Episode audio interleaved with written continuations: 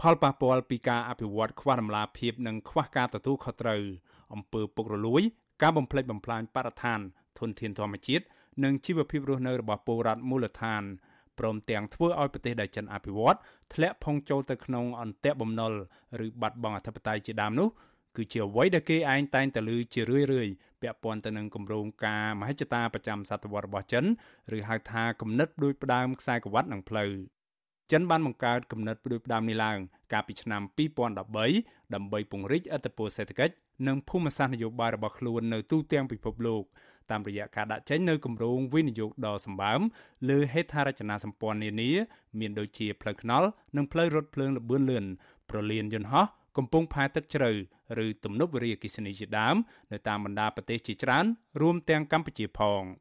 ប្រឈមមុខទៅនឹងការរិះគន់ជាអវិជ្ជមានទាំងនេះនៅមុនការផ្ទុះឡើងនៃវិបត្តិជំងឺរាតត្បាតសកល COVID-19 ក្រុមមេដឹកនាំចិនបានបដិញ្ញាចិត្តធ្វើកំណែតម្រង់លើគម្រោងនានាពាក់ព័ន្ធទៅនឹងគំនិតផ្ដួចផ្ដើមខ្សែក្រវ៉ាត់និងផ្លូវរបស់ខ្លួននេះដើម្បីធានាឲ្យបាននូវដំណាភាពការទទួលខុសត្រូវនឹងមានលក្ខណៈបៃតងឬការគោរពបរិស្ថានឲ្យបានប្រសើរជាងមុន ក៏ប៉ុន្តែការបដិញ្ញាចិត្តនេះត្រូវអ្នកវិភាគមើលឃើញថាមានតែនៅលើបបោមាត់ខណៈការអនុវត្តជាក់ស្ដែងចិននៅតែមិនទាន់អាចកែប្រែអេរយាប័តខ្វះការទទួលខុសត្រូវរបស់ខ្លួនបានដដែលអ្នកសិក្សាស្រាវជ្រាវបញ្ហាសង្គមនិងនយោបាយបណ្ឌិតសេងសេរី សង្កេតឃើញថាគ្មានឡើយការប្រែប្រួលរបស់ចិនជុំវិញការធ្វើឲ្យប្រសើរឡើងវិញនៅគម្រោងនានាក្រោមគំនិតដូចផ្ដើមខ្សែក្រវ៉ាត់និងផ្លូវនៅកម្ពុជា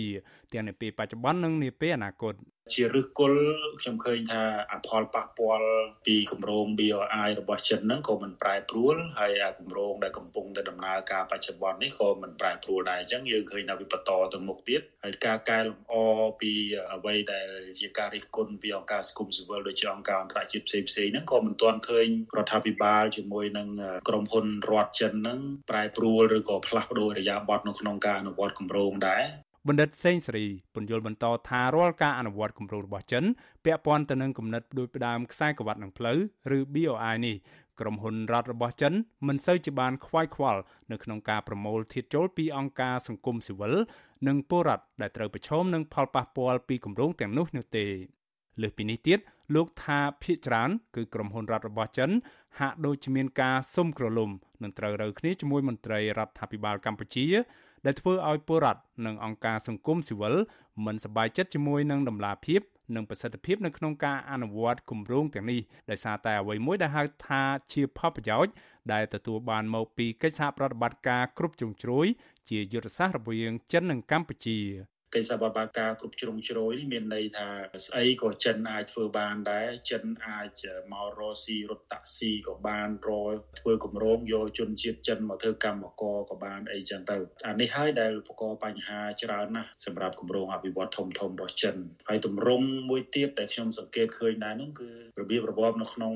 model នៅក្នុងការអភិវឌ្ឍ របស់ចិនហ្នឹងគឺជា model មួយតាមបែបរបៀបកុម្មុយនីសអត្តនោម័តនៅក្នុងការសម្រេចដោយឯកតោភាគីជាមួយនឹងក្រុមហ៊ុនរដ្ឋចិនក៏ដូចជារដ្ឋាភិបាលហ្នឹងហើយដោយមិនសូវខ្វល់អំពីផលប៉ះពាល់ផ្សេងផ្សេងទៅលើពលរដ្ឋទេហើយរឿងនេះមិនមែនតែកើតនៅក្នុងប្រទេសដែលចិនទៅអភិវឌ្ឍទេសូម្បីតែក្នុងប្រទេសចិនខ្លួនឯងហ្នឹងក៏ឃើញថាកើតឡើងសកម្មភាពបែបនេះច្រើនដែរបាទជាឧទាហរណ៍ជាក់ស្ដែងថ្មីថ្មីនេះអង្គការឃ្លាំមើលសិទ្ធិមនុស្សអន្តរជាតិ Human Rights Watch បានរកឃើញថាមានការរំលោភបំពានសិទ្ធិមនុស្សជាពិសេសសិទ្ធិសេដ្ឋកិច្ចសិទ្ធិសង្គមនិងសិទ្ធិវប្បធម៌ពាក់ព័ន្ធទៅនឹងការសាងសង់ទំនប់វារីអគ្គិសនីសេសានក្រោម2ដែលជាផ្នែកមួយនៃគំនិតផ្ដួចផ្ដើមខ្សែក្រវ៉ាត់និងផ្លូវរបស់ចិន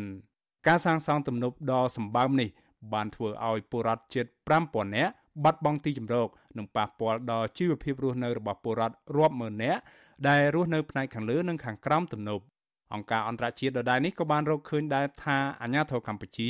និងក្រុមហ៊ុនរបស់ចិនមិនបានពិគ្រោះយោបល់ឲ្យបានដិតដល់ជាមួយនឹងសហគមន៍ដែលរងផលប៉ះពាល់នៅមុនការសាងសង់នៃទំនប់នេះទេខណៈពួកគេភ័យច្រានត្រូវបានបង្ខំឲ្យទទួលយកសំណងដែលមិនសមរម្យក្រៅពីនេះទៀតការសាងសង់ទំនប់វារីអគ្គិសនីសេសានក្រំ2នេះ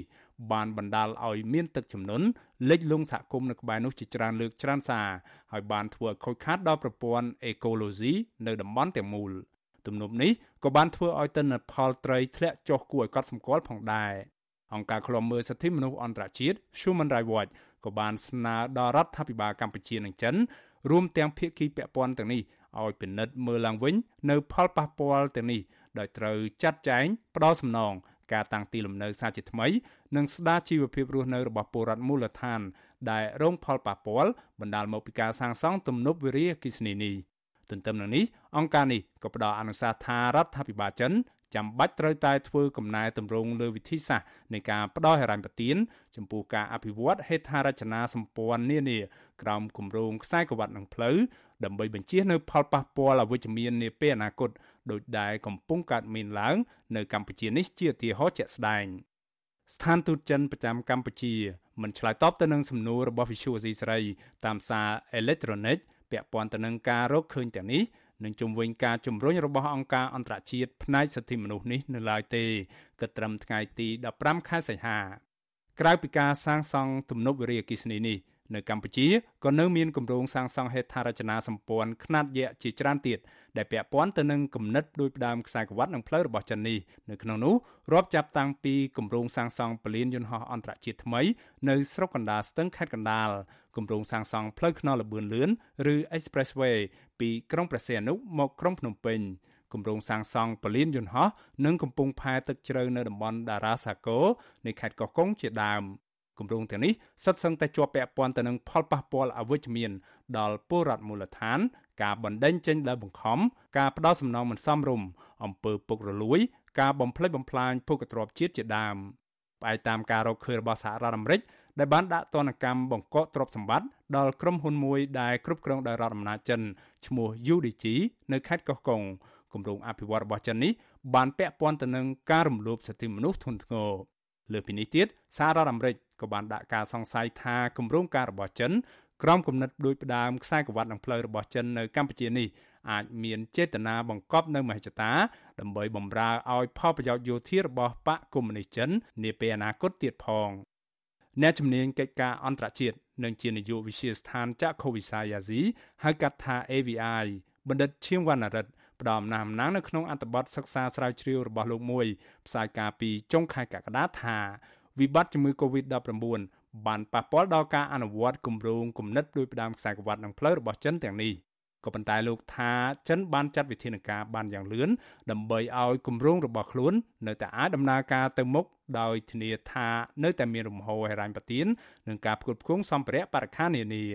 លោកថាគម្រោងសំខាន់សំខាន់របស់ចិននៅកម្ពុជា និងនៅប្រទេសឡាវមិនត្រូវបានរងផលប៉ះពាល់ខ្លាំងដោយសារវិបត្តិជំងឺ Covid-19 នេះទេ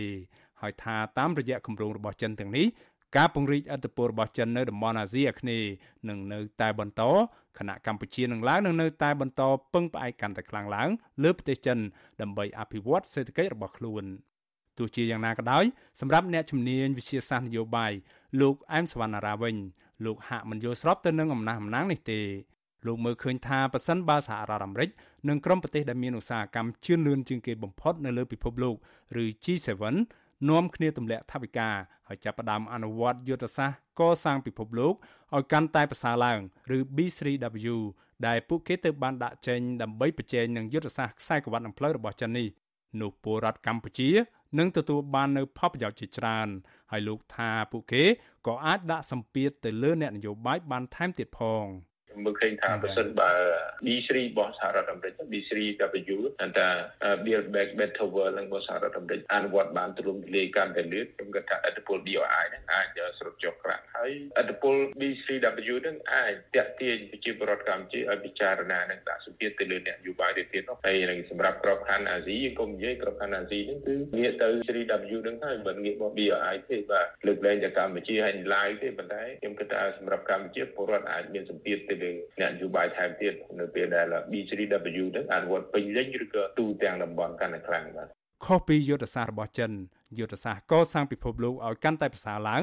ឬ B3W របស់ក្រមប្រទេសលោកសេរីនេះនឹងផ្ដោតលើការលើកស្ទួយវិស័យសិទ្ធិមនុស្សប្រជាធិបតេយ្យវិស័យអប់រំការសង្គ្រោះបរិស្ថានដោយផ្ដល់ស្តង់ដារខ្ពស់និងភាពជាដៃគូសាងសង់ហេដ្ឋារចនាសម្ព័ន្ធប្រកបដោយតម្លាភាពដែលគ្រោងនឹងចំណាយថវិកាប្រមាណជាង40 trillion ដុល្លារអាមេរិកដល់ពិភពលោកត្រឹមឆ្នាំ